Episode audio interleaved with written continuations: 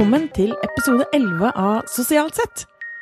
Oi, men Astrid, nå glemte jo du den koselige Vet du hva, nå har vi hatt ti episoder. Dette er nummer 11. Eh, jeg tenker at folk kjenner oss nå, jeg. Ja. Og det er på tide å bryte mønsteret litt. Jeg er jo en sånn veldig firkanta Sivøk, så nå føler jeg meg virkelig vill og gal her. Så dette er din yolo, da, Astrid? Yolo! ja, jeg har visst veldig dårlig innflytelse på deg, men det kler deg, da. ja, du har det. Men i hvert fall, i dag så skal vi snakke om vårt forhold til kjendiser, og hvorfor vi blir så følelsesmessig involvert i både liv og død. Ja, øh, denne uka her har jo bare vært snørr og tårer for min del, altså. Og egentlig veldig mye bra musikk. Mm, for du må jo ha bodd under en stein hvis ikke du har fått med deg at øh, prins er død, og at hele verden sørger. Det ser i hvert fall sånn ut på sosiale medier. Mange lilla hjerter. Mm, det er det. Men, øh, og dette her har jo egentlig jeg øh, nesten forutsett. og jeg kan egentlig skylde litt på mannen min Glenn. fordi i ukevis før han døde, så fikk Glenn en sånn dille, så han spilte han hele tiden, uansett når og hvor. Og jeg bare sa til han, vet du, du må slutte, dette her er sånn tegn, nå, nå kommer han til å dø. Og det gjorde han dessverre. Å, oh, men det er ikke Glenn sin skyld, altså? Nei, vi, jeg får se. Jeg har ikke tilgitt han helt ennå, men uh, vi får se. Men ja, det er uh, Altså, i alt av sosiale medier nå så flommer det jo over av hyllester, og jeg griner og tørker tårer for hver eneste en omtrent.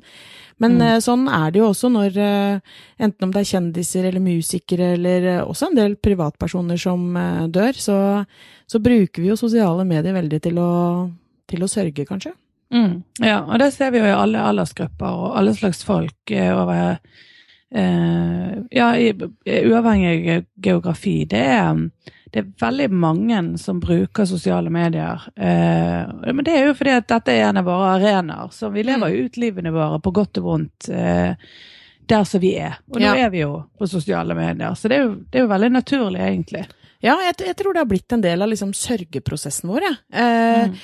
Vi er eh, liksom gripes veldig av den nostalgien og går dypt inn i det. Altså, jeg, jeg og Glenn sitter og ser video etter video, og vi Det er jo en eh, Eh, ja, man påvirkes av uh, omgivelsene sine, da, og når man ser uh, Det er veldig mye som kommer opp til overflaten nå, uh, mm. av ting som Enten om det er nå når Prince døde, eller For det er ikke lenge siden David Bowie døde, og det, det er jo mm. litt de samme tingene som går igjen, da. Mm. Og akkurat det med musikk, det er jo noe som trigger enormt dypt i oss mennesker. Det er jo noe som spiller på de emosjonelle strengene som tror jeg nesten alle blir veldig påvirket av. Ja, men altså, altså, musikk er jo en stor del av vår kultur, uansett hvor du bor i verden, og eh, enten eh, Altså, man er fan eller ikke fan, så, så er det nok uh, Skal du være ganske lite glad i musikk for ikke å ha liksom et eller annet forhold til f.eks. For noen av Prince sine låter, da. Mm. og mye av musikken er jo liksom bygget rundt dette her med håp og kjærlighet og eh, mm. Altså, mye musikk er jo soundtrack til livet vårt. Mm. Eh, Men òg sånn motivasjon eller sånn. Ja. Jeg kan jo bruke musikk til uh, eh regulere humøret opp òg. Altså, mm. Eller på trening. Så kan ja, jeg ha én sånn skikkelig sånn kickass-sang som uh, når jeg uh, trenger På spinning, liksom? ja, for, ja, men der er faktisk musikk. Ja. Nå er det jo en stund siden jeg har vært der pga. skader og sånn, men uh, der er jo det spinninginstruktør, Jarle, som er helt fantastisk og bruker musikken på en sånn måte at du, du glemmer at du trener. Fordi du bare hører på de der måtene han har bygd opp og ned. og mm. det, det, er fantastisk hvordan den musikken kan da motivere deg til å gi det lille ekstra, og bare mm. volumet eh, på topp, og så er det liksom akkurat en eller annen sånn heavy gitarsolo eller trommesolo eller noe sånt. Så musikk, det er ja, jeg tror, og, vi, og, jeg tror vi bruker det altså som du sier, til forskjellige ting. Eh, og vi bygger vår egen historie og vår eget liv, vårt mm. eget liv inn i sanger. Altså at vi får det til å bety noe for oss, for oss selv. Eh, det er jo det som gjør at vi blir så påvirket. Ja, ikke sant? Vi når, vever denne musikken inn i livene våre. Det er ja. jo egentlig det vi gjør. Det er jo det, og, og det én sang betyr for én, betyr noe annet for en annen, ikke sant. Og når da sånne store musikere dør, så kanskje det er liksom Ja, men det er noe av håpet som forsvinner, det er noe av kjærligheten som man har hatt som en integrert del i livet sitt, da.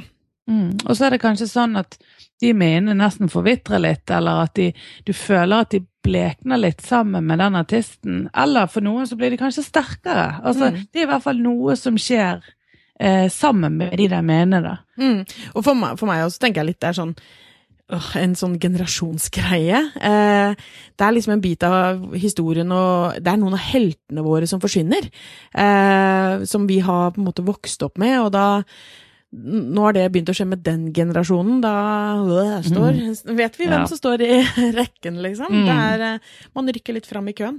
Ja, det blir en, så, en sånn, eh, eller en sånn kollektivt fenomen. Vi, eh, vi merker veldig godt at vi blir eldre når våre barn og ungdomshelter dør. Det, det er et ganske Selv om det er way of life, så føles det ikke bare enkelt, tror jeg. nei, jo ikke helt greit. Og 57 er jo på en måte ikke Du, ikke, du dør ikke av eh, av alderdom nødvendigvis, da. Nei. Sånn som Prince var når han døde. Men Mm. også, så, altså, som sagt så er jo Glenn ekstrem Prince-fan, eh, og han hadde en sånn liten sidekommentar eh, eh, her om dagen, hvor det var litt sånn sånn Du, går det litt sånn sport i å være Prince-fan nå, eller? Det var Mm. voldsomt, og mange som plutselig var Han var den eneste ene, liksom, for dem. Mm. Jeg kjenner meg veldig igjen i det. Eh, for jeg hadde det samme forholdet til Michael Jackson som Glenn har til Prince. Mm. Eh, jeg likte veldig godt Prince òg, men, men Michael Jackson var på en måte den som jeg eh, følte meg så nær at jeg kjente at jeg ble veldig personlig berørt når han døde.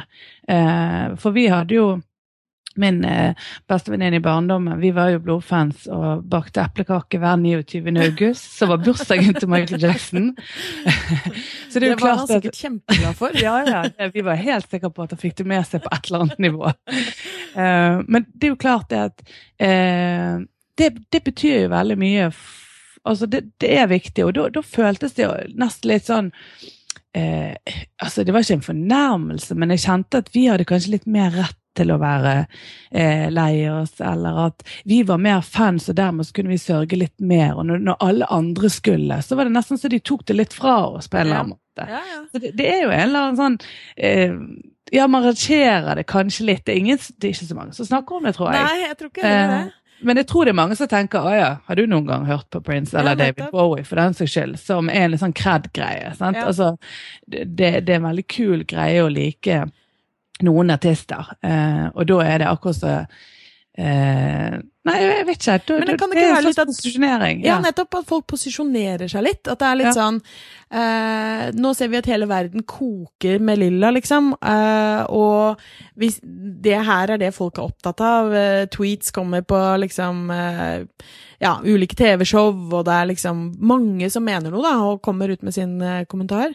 Eller Mm. deler videoer og uttrykker sin sorg. Og det kanskje er litt sånn Ok, dette er det kulturelle som er en del av vår tid nå. Mm. Eh, hvor var du når, ikke sant? Ikke Oddvar Brå brakk staven, men når Prince Mm. døde. Dette blir noe folk kommer til å snakke om. Mm. Eh, og da har man kanskje lyst til å være en del av det, da. Ja, det tror jeg også. Om, om du ikke i utgangspunktet var så opptatt av det, så prøver du å finne din eh, del av konteksten. Så det at jeg tror det er mange av oss den siste uken som har tenkt igjennom hva er egentlig mitt forhold til Prince, og kanskje har hørt noen ekstra ganger på sangene som noen av oss ikke har hørt på en stund, men bare har som en del av spillelisten, men bare er en del av mange Mm. men kjenner ekstra på det akkurat nå, at oi jo, han var faktisk viktig. Og da er jo det en sorg. altså Uansett om du ikke har vært på eh, 17 konserter og har alle album og er på en måte eh, en sånn eh, Sånn etter, etter en eller annen ja, eh, ja, blodfan, da, etter en Mm. objektiv vurdering, så kan du allikevel ha noen følelser som er vel så valide og reelle. Ja, ja, ja, helt klart. ikke eh, Christer Falk ville kalt det for en blodfan. Ja, for han er jo liksom uh, uttalt som nummer én fan i Norge, og liksom eh, er den som uttaler seg gjerne i media og alt mulig. Og jeg merker jo at jeg, jeg, jeg liksom eh, oppsøker han litt nå. For jeg vet at han, hvis det er noen som får med seg det som skjer med Prince, så, eh, så er det han. Og jeg liksom eh, ja, sjekker ut hans Facebook og eh, liksom Mm. prøver å få litt informasjon. Så, han har liksom sjefsørgeren òg, da. Ja, Altså, kanskje- for det- Ja. han har kanskje den definisjonsmakt da, på hvem som er ekte og Mm. uekte fans. Og Mm. tenk, er det liksom sånn da at han kan anerkjenne folk som liksom Jo, men det er eh, du, du har skrevet noe bra eller gjort noe veldig bra og trekker det fram på sine greier, så er det litt mer valid, da. Da er det mm. ekte. Og så når alle mediene skal intervjue, enten det er noe på nettaviser eller det er på TV 2 nyhetskanaler, et eller annet sånt, så leter de alle etter de der mest fansene. Hvor mange konserter har du vært på? Okay, du har vært 54. Kan du komme inn til et intervju? Og så husker jeg det var en, en, av de første dagene, kanskje det var den første dagen, som eh, kalte seg for eh, fan nummer to. han ja. hadde plassert seg fint bak Christer Falk. Tør ikke å ta posisjonen. Nei, han nei. tør ikke det. Eh, så det òg er jo en sånn greie at eh, jeg tror mange kjenner på det uten at vi snakker så mye om det. Ja. Som sagt, du, du driver jo på, en eller annen måte og konkurrerer litt i sorg. Ja. Eh, det, det, er litt rart, men eh, Ja, og så er det liksom uh, hun Vi har jo så hatt et bitte lite intervju med hun Anna Kira. Uh, og hun har jo fulgt fra Det var fra Yggdrasil-episoden vår. Mm. og hun syns jeg er en fantastisk fascinerende dame, og har fulgt henne litt i etterkant. Og hun skrev nettopp noe med dette her. Hvorfor venter vi liksom til kjendisene dør? Mm. Hvorfor skal vi fortelle folk hvor fantastiske de er når de er døde? Hvorfor kan vi ikke gjøre dette her eh, i levende live, mens de er i levende live? Og jeg mm. merker jo det litt selv. altså i hvert fall med årene. Uh, nå har jeg liksom passert 40. Um, så har jeg Jeg er jo litt sånn katastrofetenker, Eh, og har på en måte lagt en sånn følelsesmessig blygsel bak meg. Sånn at hvis jeg begynner å Hvis jeg tenker at å, gud, så glad jeg er Heidi så føler jeg at jeg må mm. bare si det nå. Fordi at mm. man vet aldri. Og, og tenk så grusomt om eh, liksom, noe skulle skjedd, og ikke mm. folk jeg var glad i, hadde visst det. Og ikke bare nødvendigvis sånn uforbeholden kjærlighetserklæringer, men sånn 'Å, herregud, så flink den personen er til å gjøre det og det'. Det skal jeg jaggu meg si nå, eh, og ikke vente, da. Men jeg føler at det er ja, litt eh, det er nok en del som kanskje er sånn ja ja, ro ned den der uh, spread the love-greia di, Astrid, liksom. For det er uh... Nei, men altså, jeg, jeg syns jo òg det at det var en veldig viktig påminnelse, og det er en tankevekker. Uh, enten det er kjendiser eller det er noen andre rundt oss som vi faktisk kjenner og er glad i på et personlig nivå. At da kommer man på det. At oi, vi skulle ha burde hatt alt mulig. Mm. og jeg, jeg tror jo det at hos voksne mennesker spesielt så er jo det noen sperrer der i forhold til å, å fortelle og dele um, følelser, rett og mm. slett. Sånn, jeg tror jo ungdommene og barna er jo mye flinkere til det. Det er jo noe som skjer der i løpet av de der ungdomsårene. At det er akkurat som ja. vi legger bånd på oss. For det ja. hvis du ser på ungdommer som er fans, f.eks. på konserter, de svimer jo av, og de blir jo helt eh, De står jo og skriker og Gjør ikke du det Ikke... Jeg sluttet med det, altså. Det er jo en fantastisk måte å vise kjærlighet på. Eller ja, men det kanskje ikke. Men, men det, er jo, det, er jo, en form for um, for, for uttrykk. Eh, ja. Det er et ganske veldig veldig sterkt uttrykk. Mens, mens, det bare det forsvinner på en eller annen måte. Eller vi bare vi, kontrollerer oss, sånn som voksne gjør på mange andre områder. Ja, og så tror jeg noen Og det er selvfølgelig folk er forskjellige, og noen har ikke gått helt i den halleluja-greia som jeg er i, og det er helt greit. Uh, og det er ganske mange voksne mennesker, tror jeg, som ikke syns det å liksom, uttrykke følelser er noe sånn spesielt uh, ja, noe de trakter etter. Eh, og så har man, tror jeg, behov for noen sånne ventiler, hvor det her mm. kan få komme ut. Og for mange, kanskje spesielt menn, så kan jo kanskje fotball, fotballkamper eller fotball eh, også se på eller spille selv, det kan være en sånn greie hvor de plutselig er så innmari love you og kaster seg om halsen på hverandre, mm. og vi skårte og ho-ho. Eh, de som aldri klemmer til vanlig engang.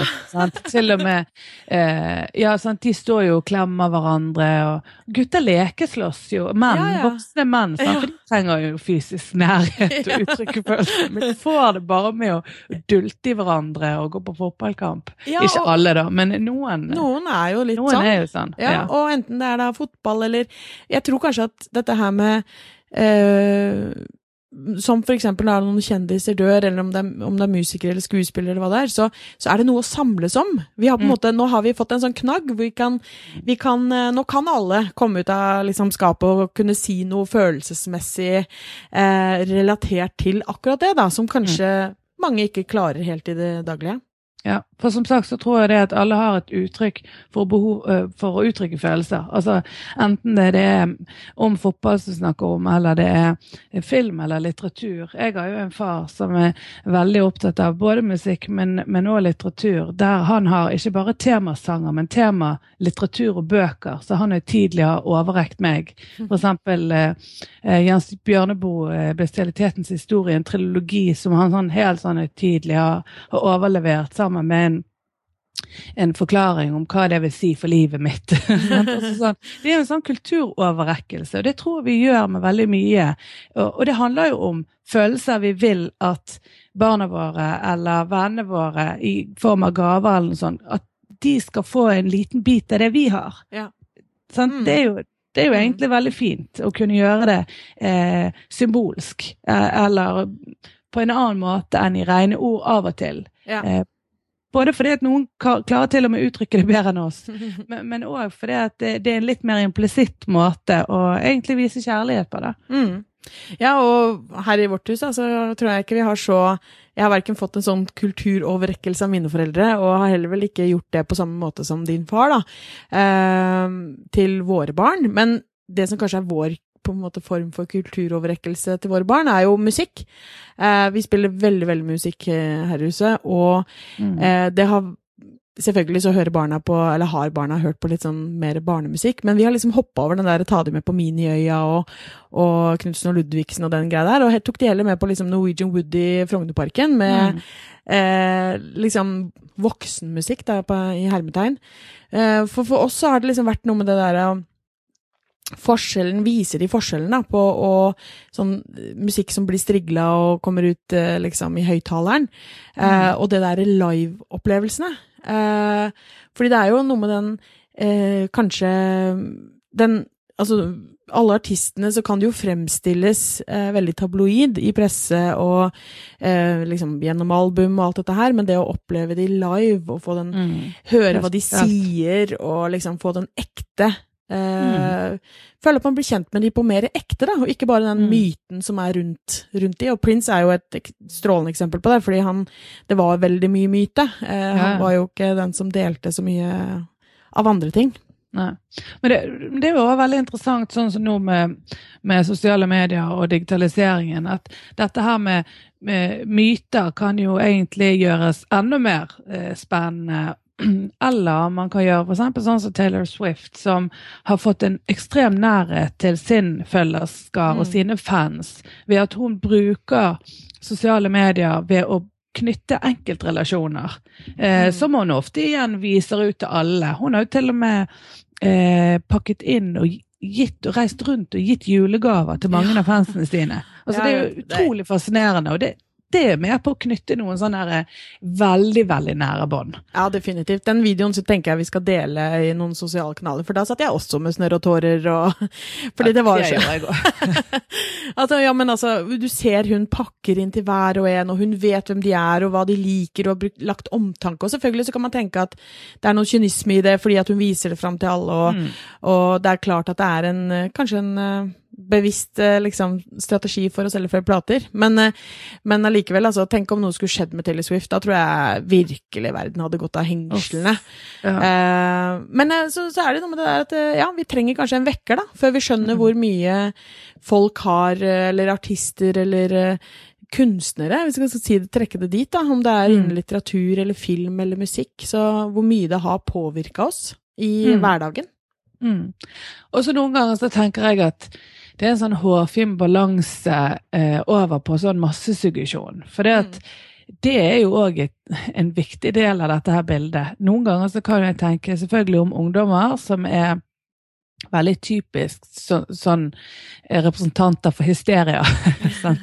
Der du Kanskje så det enda mer før på Beatles-tiden. Eh, jeg tror det er, jo, det er, jo, et eget ord med sånn Beatles-tilstander. Vi mm. bruker jo det kanskje ikke så mye nå, men om et sånt hysterisk eh, eh miljø i en konsert. Det har vel bare, kanskje blitt tatt over av Bieber-tilstander nå, kanskje? Ja, det, ja, det er det jo. Eh, for de som er litt yngre enn oss. Ja, jeg er jo ikke fylt 40, eh, men eh, det er jo hjørne, vennen min. ja, ja, ja. Men, eh, men, i hvert fall så, så tenker jeg det den, den massesuggesjonen som som gjerne ikke voksne kjenner seg igjen i, men så plutselig blir en del allikevel. Jeg husker jo f.eks. når prinsesse Diana døde. Mm. Eh, det òg var jo en, en, en skjellsettende sånn opplevelse i mediesammenheng. For det at én eh, ting er at det var overalt. Det var jo selvfølgelig en kjempestor sak. Det, det var veldig dramatisk, og, og det var en det var en prinsesse i, i, Storbritannia som er en veldig viktig eh, ja, både kulturell eh, del av verden, men òg eh, altså Det har stor nyhetsinteresse. Men, men, at det var så mange som hadde en så nær relasjon på en eller annen måte, eller kanskje at de projiserte eh, et mm. eller annet. Men det var jo noe som skjedde der. Ja, ja. ja. Hun var kanskje den første som, som eh, Jeg vet ikke, sånn som man tok en sånn type sorg innover seg. Eh, mm. kanskje på grunn av alder, eh, eller som du sier, at det var så eh, dramatisk måte det skjedde på. Eh, mm. Og at det var, liksom, var sånne ting som paparazzi som kanskje fikk mm. det, var grunnen til at det skjedde, og litt mm. sånn. Men det, det, var jo virkelig Folk gikk jo helt bananas. Mm. Men vi ser jo det at Dette var jo før sosiale medier var mm. eh, stort, og internett var på en måte helt allment ennå, faktisk. Ja, altså, det var i 1997. Ja. Mm. Ja, så det er jo lenge siden. Så allerede da så, så klarte jo på en måte media eh, å vise alle For da gikk folk ut i gatene på en annen måte, altså mye mm. mer. Sant? For det var jo den, den, måten man kunne vise sin deltakelse på. Det gjør man til dels ennå, men sosiale medier har mye mer tatt over det. Og dermed så ser vi det mye tydeligere. Mm. Og jeg bare lurer på hvordan prinsesse Dianes død hadde spilt seg ut på sosiale medier. Ja, Gud. Det, det er et uh, interessant tankeeksperiment, rett og slett. Mm, det er det. Men, men, altså, og dette her med kjendiser er én ting, men sånn ellers òg. Vi ser jo det at det er, blir jo masse sånne eh, minnesider eh, når folk dør. Altså Facebook, for eksempel. Mm. Det er jo et sånt samlingspunkt der folk eh, kan utveksle erfaringer, eller skrive til og med eh, små historier eller Mm. Skrive til den døde. Altså, ja. Det er jo mange som titulerer sine eh, innlegg og alt mulig til prins nå, eksempel. Mm. Altså, de skriver ikke hva prins har betydd til vennene deres, men til prins, du ja. var det og det for meg. Ja.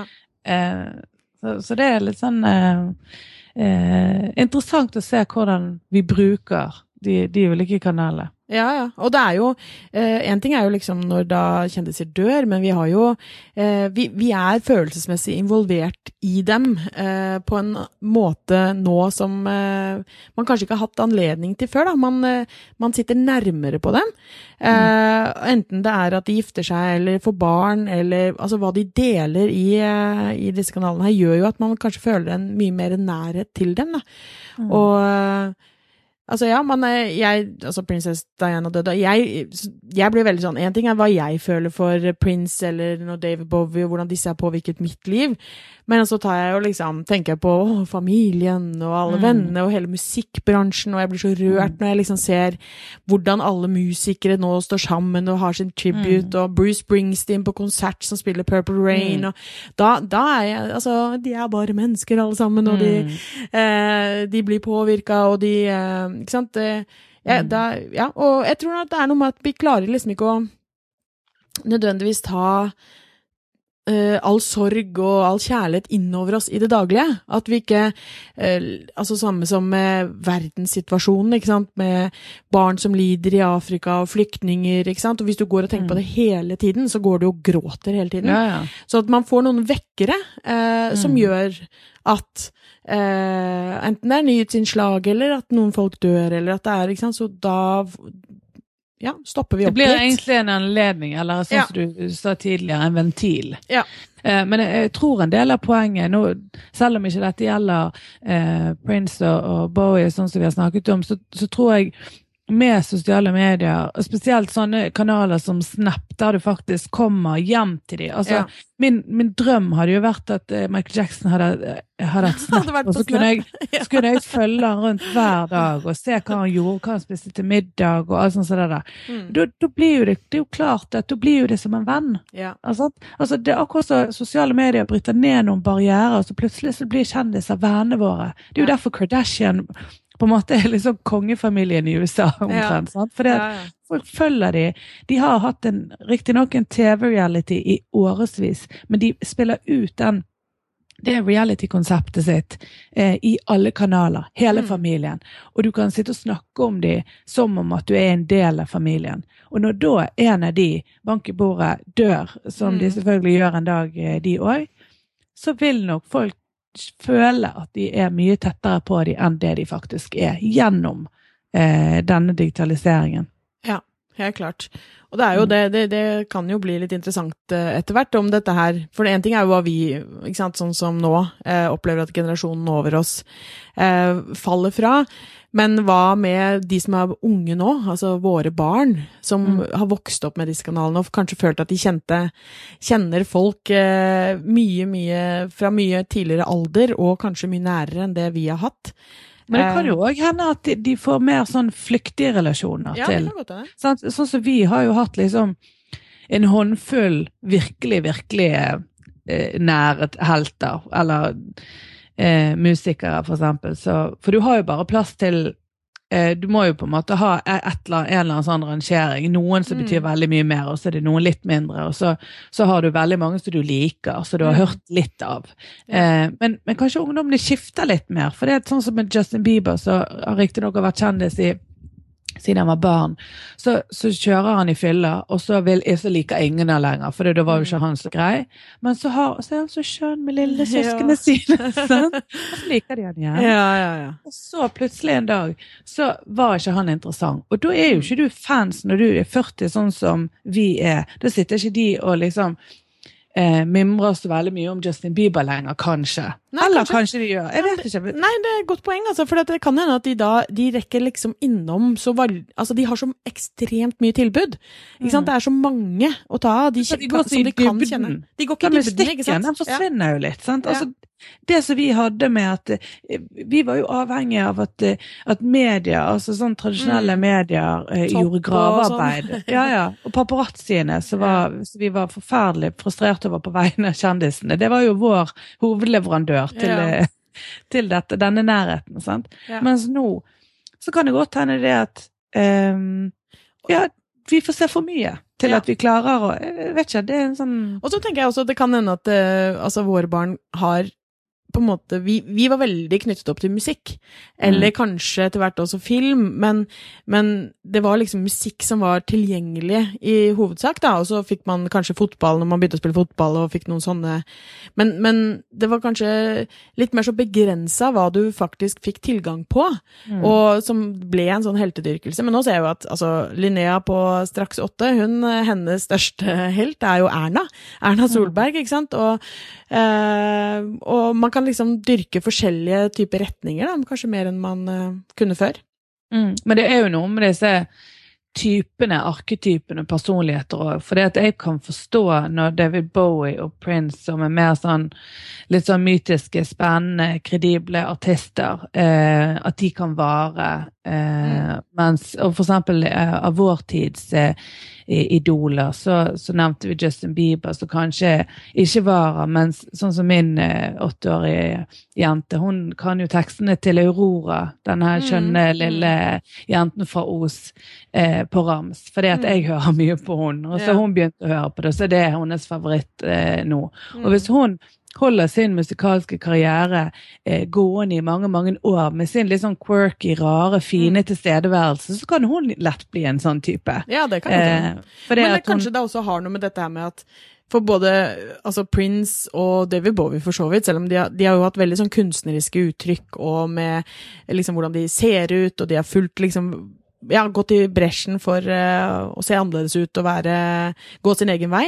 Men de har vel kanskje de har vel ikke vært de verste innen liksom De ja, holder seg unna skandaler og du, byr veldig Tror ikke du at eh, fellesnevnere ligger i genuint talent her, Ja, kontra kjendistilværelse? For kjendiser, altså kjendiser bare for å være kjendiser, Altså det er noe- ja, det er noe annet enn genuint talent. Mm. Eh, noen har jo begge deler, selvfølgelig, men noen, noen er reindyrker det talent, talentet og står i det og bare jeg vet ikke om Det, Ja. det kan være en, en eh, forskjell.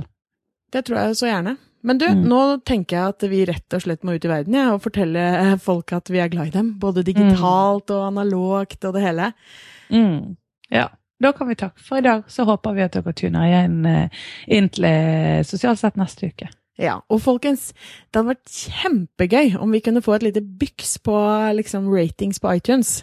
Så, for det, det hadde jo vært litt kult. Eller eh, er det kanskje at vi nå tigger om likes, Heidi? ja ja, men det er jo veldig hyggelig, da. Ja, og så er det, er det folk, litt sånn at da finner kanskje enda flere folk fram til sosialt sett. Vi syns jo det er veldig gøy når vi får nye lyttere hele tiden. Mm, det er det. Takk for i dag. Takk for i dag. Ha det.